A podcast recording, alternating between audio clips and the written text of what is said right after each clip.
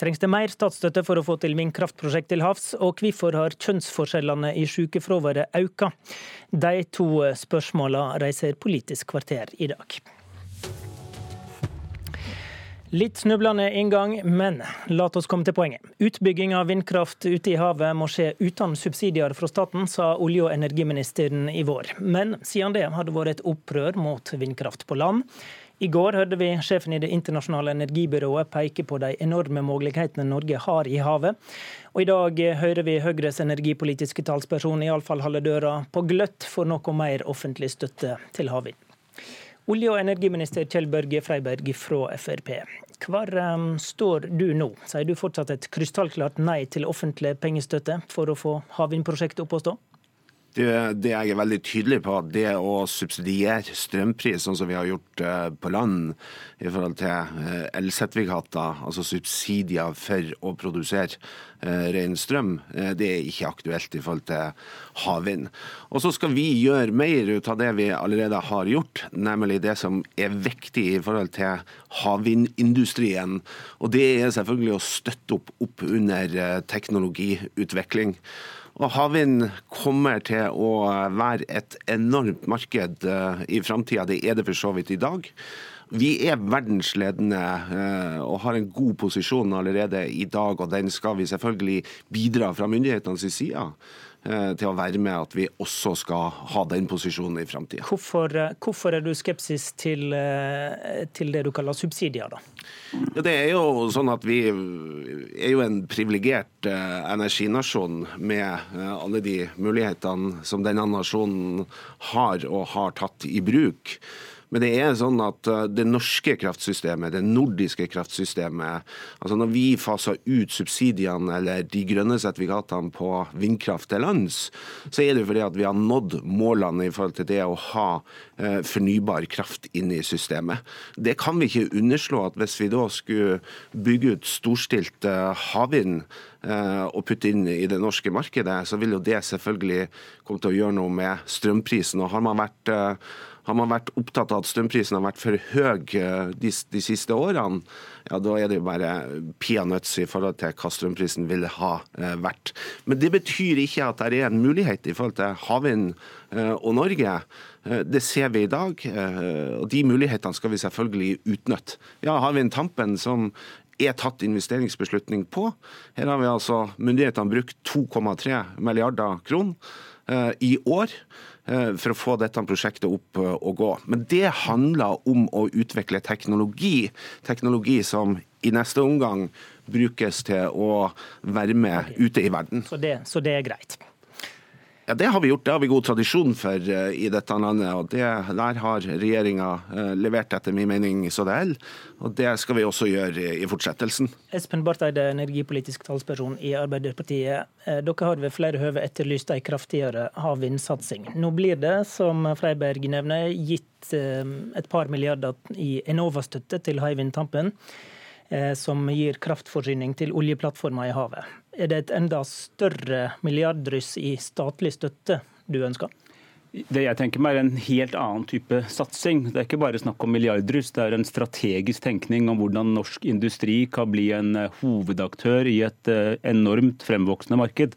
Vi ser nå at eh, verden rundt, og ikke minst her i Europa, så satses det voldsomt på havvind. Det var det vi hørte på Equinors høstkonferanse også fra Fatih Birol, leder av Det internasjonale energibyrået. At dette er en bransje som kommer til å vokse kolossalt nå, fordi Europa skal avkarboniseres. Europa skal prøve å kvitte seg først med olje, og etter hvert til og med med gass. Eh, og Da vil de ha mer ren elektrisk kraft. og En av de mest åpenbare måtene å produsere det på, er på store villmønner ute i havet. Nordsjøen, og særlig vår del av Nordsjøen, har noen av de beste vindressursene i verden. Norsk industri har Jeg tror alle er enige om alt du har sagt til nå, jo, men eh, hva skal være statens rolle? Jo, men jeg må si Norsk industri har, ligger altså helt i front til den teknologien, men vi må gripe den muligheten nå, for vi har bare noen få år på oss før dansker og tyskere og nederlendere og alle andre gjør det for oss. og Da mister vi denne sjansen. og Da må staten inn og lage en nordsjøplan, en stor storsatsing på å samarbeide med naboland om å gripe denne muligheten. Vi må legge til rette for testsentre. Vi må lage et nettverk ute i sjøen som disse meldene kan koble seg på. Først til oljeindustrien, men senere til eksport til Europa og etter hvert også inn til Norge. Er det staten som skal finansiere disse, disse prosjektene? Staten må lage en helhetlig plan, og i den planen inngår statlig kapital. Men når du fokuserer bare på statlige penger, så er det en del av helheten. Det er en større helhetlig plan, sånn som vi gjorde da vi som et fattig land bygde vannkraften i 1906, mm. og som et mellominntektsland eh, tok tak i olja. Da investerte vi mange år før det kom noen penger tilbake. Det må vi gjøre nå også. Freiberg, det trengs en mer aktiv stat, eh, mener Barth Eide. Ja, altså Jeg eh, mener at vi har en plan, og vi har faktisk en veldig god plan. Espen Barth Eide eh, er helt sikker på at han har fått med seg eh, det regjeringa har gjort over et bredt spekter på havvind. Men det er sånn at vi er nå i ferd med å konkludere på områder, nettopp i de områdene som Espen Barth Eide peker på her, for å åpne for havvind. Men er det nok?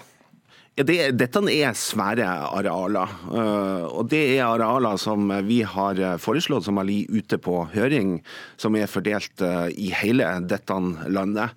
Og så er det sånn som Espen Barth Eide peker på, at eh, Europa står framfor en omstilling i Europa som vokser, som trenger mer kraft. Sørlige deler av Nordsjøen kommer til å være viktig i forhold til havvind. Eh, og Derfor har vi også pekt på ett av disse områdene på norsk side for, eh, for havvind. Og så har vi et veldig godt samarbeid eh, i Nordsjølandene akkurat i forhold til den utviklinga som må skje her for å, få ned, eller for å få mer fornybar kraft. Så det er ikke sånn at vi skal starte vi er faktisk veldig godt i, godt i gang med, med, akkurat dette. En, en Menon-rapport har anslått at rundt 35 milliarder i subsidier trengs. Eh, skal staten bidra med det? Jeg har, ikke, jeg har, ikke, tenkt å gå for den Menon-rapporten, eller de premissene de legger til grunn. For mitt poeng er at dette kommer til å lønne seg. Dette skal vi ikke tape penger på, men tjene penger på. Og jeg er ikke først og fremst eh, opptatt av dette som kraft men da, da kan til... vel eh, disse selskapene ta de investeringene selv? Hvis jeg får lov å gjennomføre resonnementet. Det høres ut som din inngang er at dette er kraft til land i Norge. Mm. Mitt poeng er industripolitikk for eksport til Europa, mm. elektrifisering av sokkelen, og i tillegg, som tredje poeng, kanskje kraft til land. Det er ikke snakk om å subsidiere kraft til land, det er snakk om å løfte fram en, en stor industripolitisk satsing, hvor norsk leverandørindustri får noen nye ben å stå på, nå som olje og gassutviklingen etter hvert kommer til å gå ned, noe regjeringen også er klar over og sier. Og Industrien hungrer etter et sånt samarbeid med staten.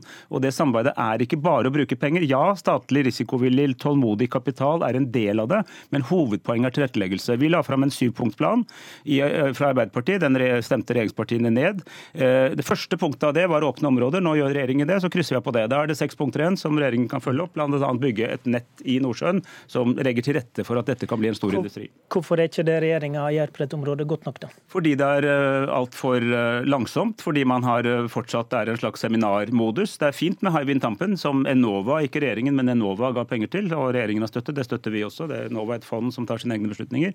Men, men det er bare en liten begynnelse. Vår idé er å begynne med å elektrifisere sokkelen, og så, mens vi gjør det, legge opp til at dette kan bli en stor eksport til Europa. At vi lager et hjemmemarked. Og så bør norsk industri gripe, jeg mener, opp mot 10% av det globale markedet kan fylles av norsk industri, men bare hvis vi bruker de neste par årene på å lage en plan for det. Ellers så er det andre som tar det nisje. Alt fra dansker til kinesere.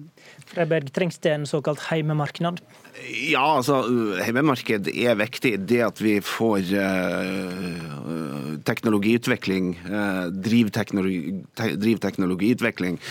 Men det er jo nettopp det man har gjort, og det er nettopp det vi gjør. Altså I går, i går så fikk det altså, et, en norsk bedrift, OHT, fikk en stor kontrakt på Doggerbank. Og hvem er det som bygger ut på Doggerbank? Jo, det er norsk næringsliv som bygger ut en havvindpark som skal dekke eh, elektrisitetsbehovet til 4,5 eh, millioner boliger. Og hvorfor skjer dette? Jo, det er fordi at Myndighetene har bidratt. Denne regjeringa har bidratt. Vi har altså brukt 500 eh, millioner i forskning eh, de ti siste årene på eh, bl.a. havvind. Det ser vi frukta ut av nå. Norsk næringsliv er ute og til stede i verden der det er behov for å bygges havvind. Og vi skal være med og støtte opp, un, opp, under teknologiutvikling, sånn at vi fortsatt skal ha den ledende posisjonen. Og så minner bare om at senest i år så har man altså sørga for at uh, den første store uh, utbygginga vi har uh, i Norge, har altså fått statsstøtte på 2,3 milliarder. Og det er, det, er, det er, faktisk litt penger, det. Bare det til slutt. Ja, og Det er bra. og, og Sånn sett er vi vel enige om mye av retningen på dette. Men min store bekymring, som jeg deler med et nesten samlet næringsliv, vi var begge på et seminar i går og hørte det, er at det går for seint fordi staten gjør for lite. Og man er redd for at andre griper dette globale markedet før vi kommer ordentlig inn i det. Eh, næringslivet er klart, eh, vi i opposisjonen er klare. Det er det opp til regjeringen også å virkelig legge fram en skikkelig helhetlig plan. Takk til Espen Barth Eide og til Kjell Børge Freiberg.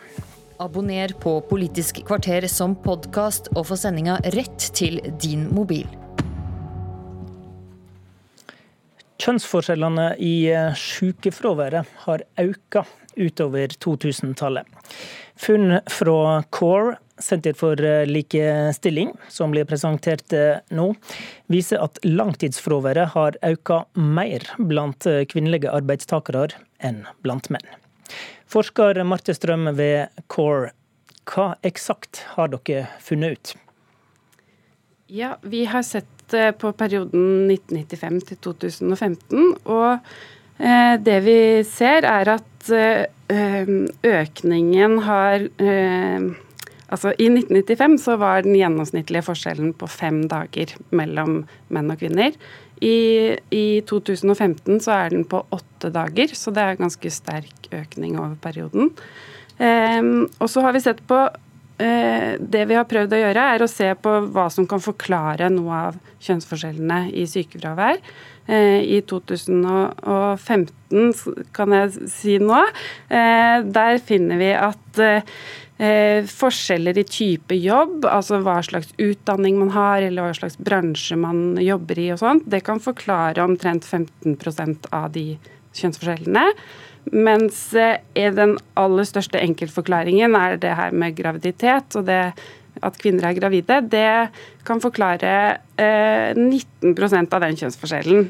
Og de eh, Altså, eh, De forklaringene er veldig stabile over perioden, så, så det har ikke endra seg mye over tid. Men at kvinner blir gravide, det er jo for så vidt ikke noe nytt. Hva er da grunnene til at det gjør eh, at det blir eh, mer sykefravær nå enn det var tidligere pga. det?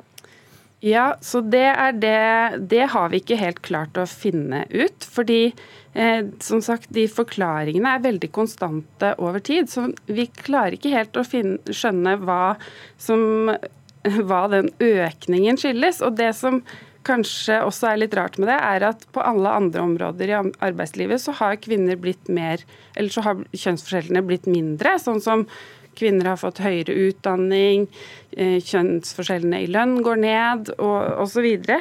så det er på en måte litt motsatt det mønsteret vi ser i sykefravær. At der går kjønnsforskjellene opp, mens det går ned andre steder. Og så pekte du på dette med bransjer. Hva bransjer er det typisk at kvinnefraværet øker?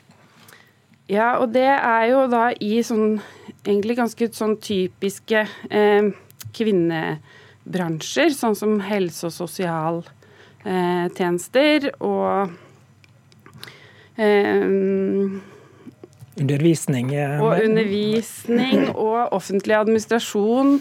Eh, så, og det her gjelder jo egentlig både bransjer som har en veldig høy andel kvinner, men også sånn som offentlig administrasjon og, og eh, eh har jo en jevnere kjønnsandel. Så det skjer på en måte eh, litt uh, i ja, flere ulike bransjer, dette her, på samme tid. Ja. Takk til deg, Marte Strøm, forsker ved Senter for likestilling.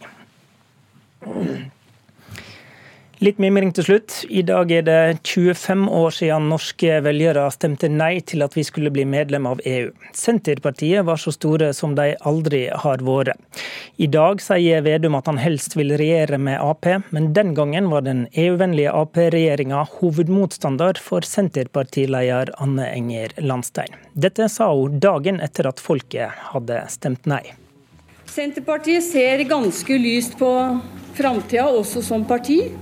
Eh, vi har store muligheter fordi vi nå har kontakt med mange flere enn vi hadde før. Og vi ser på oss som hovedutfordrere for Arbeiderpartiet.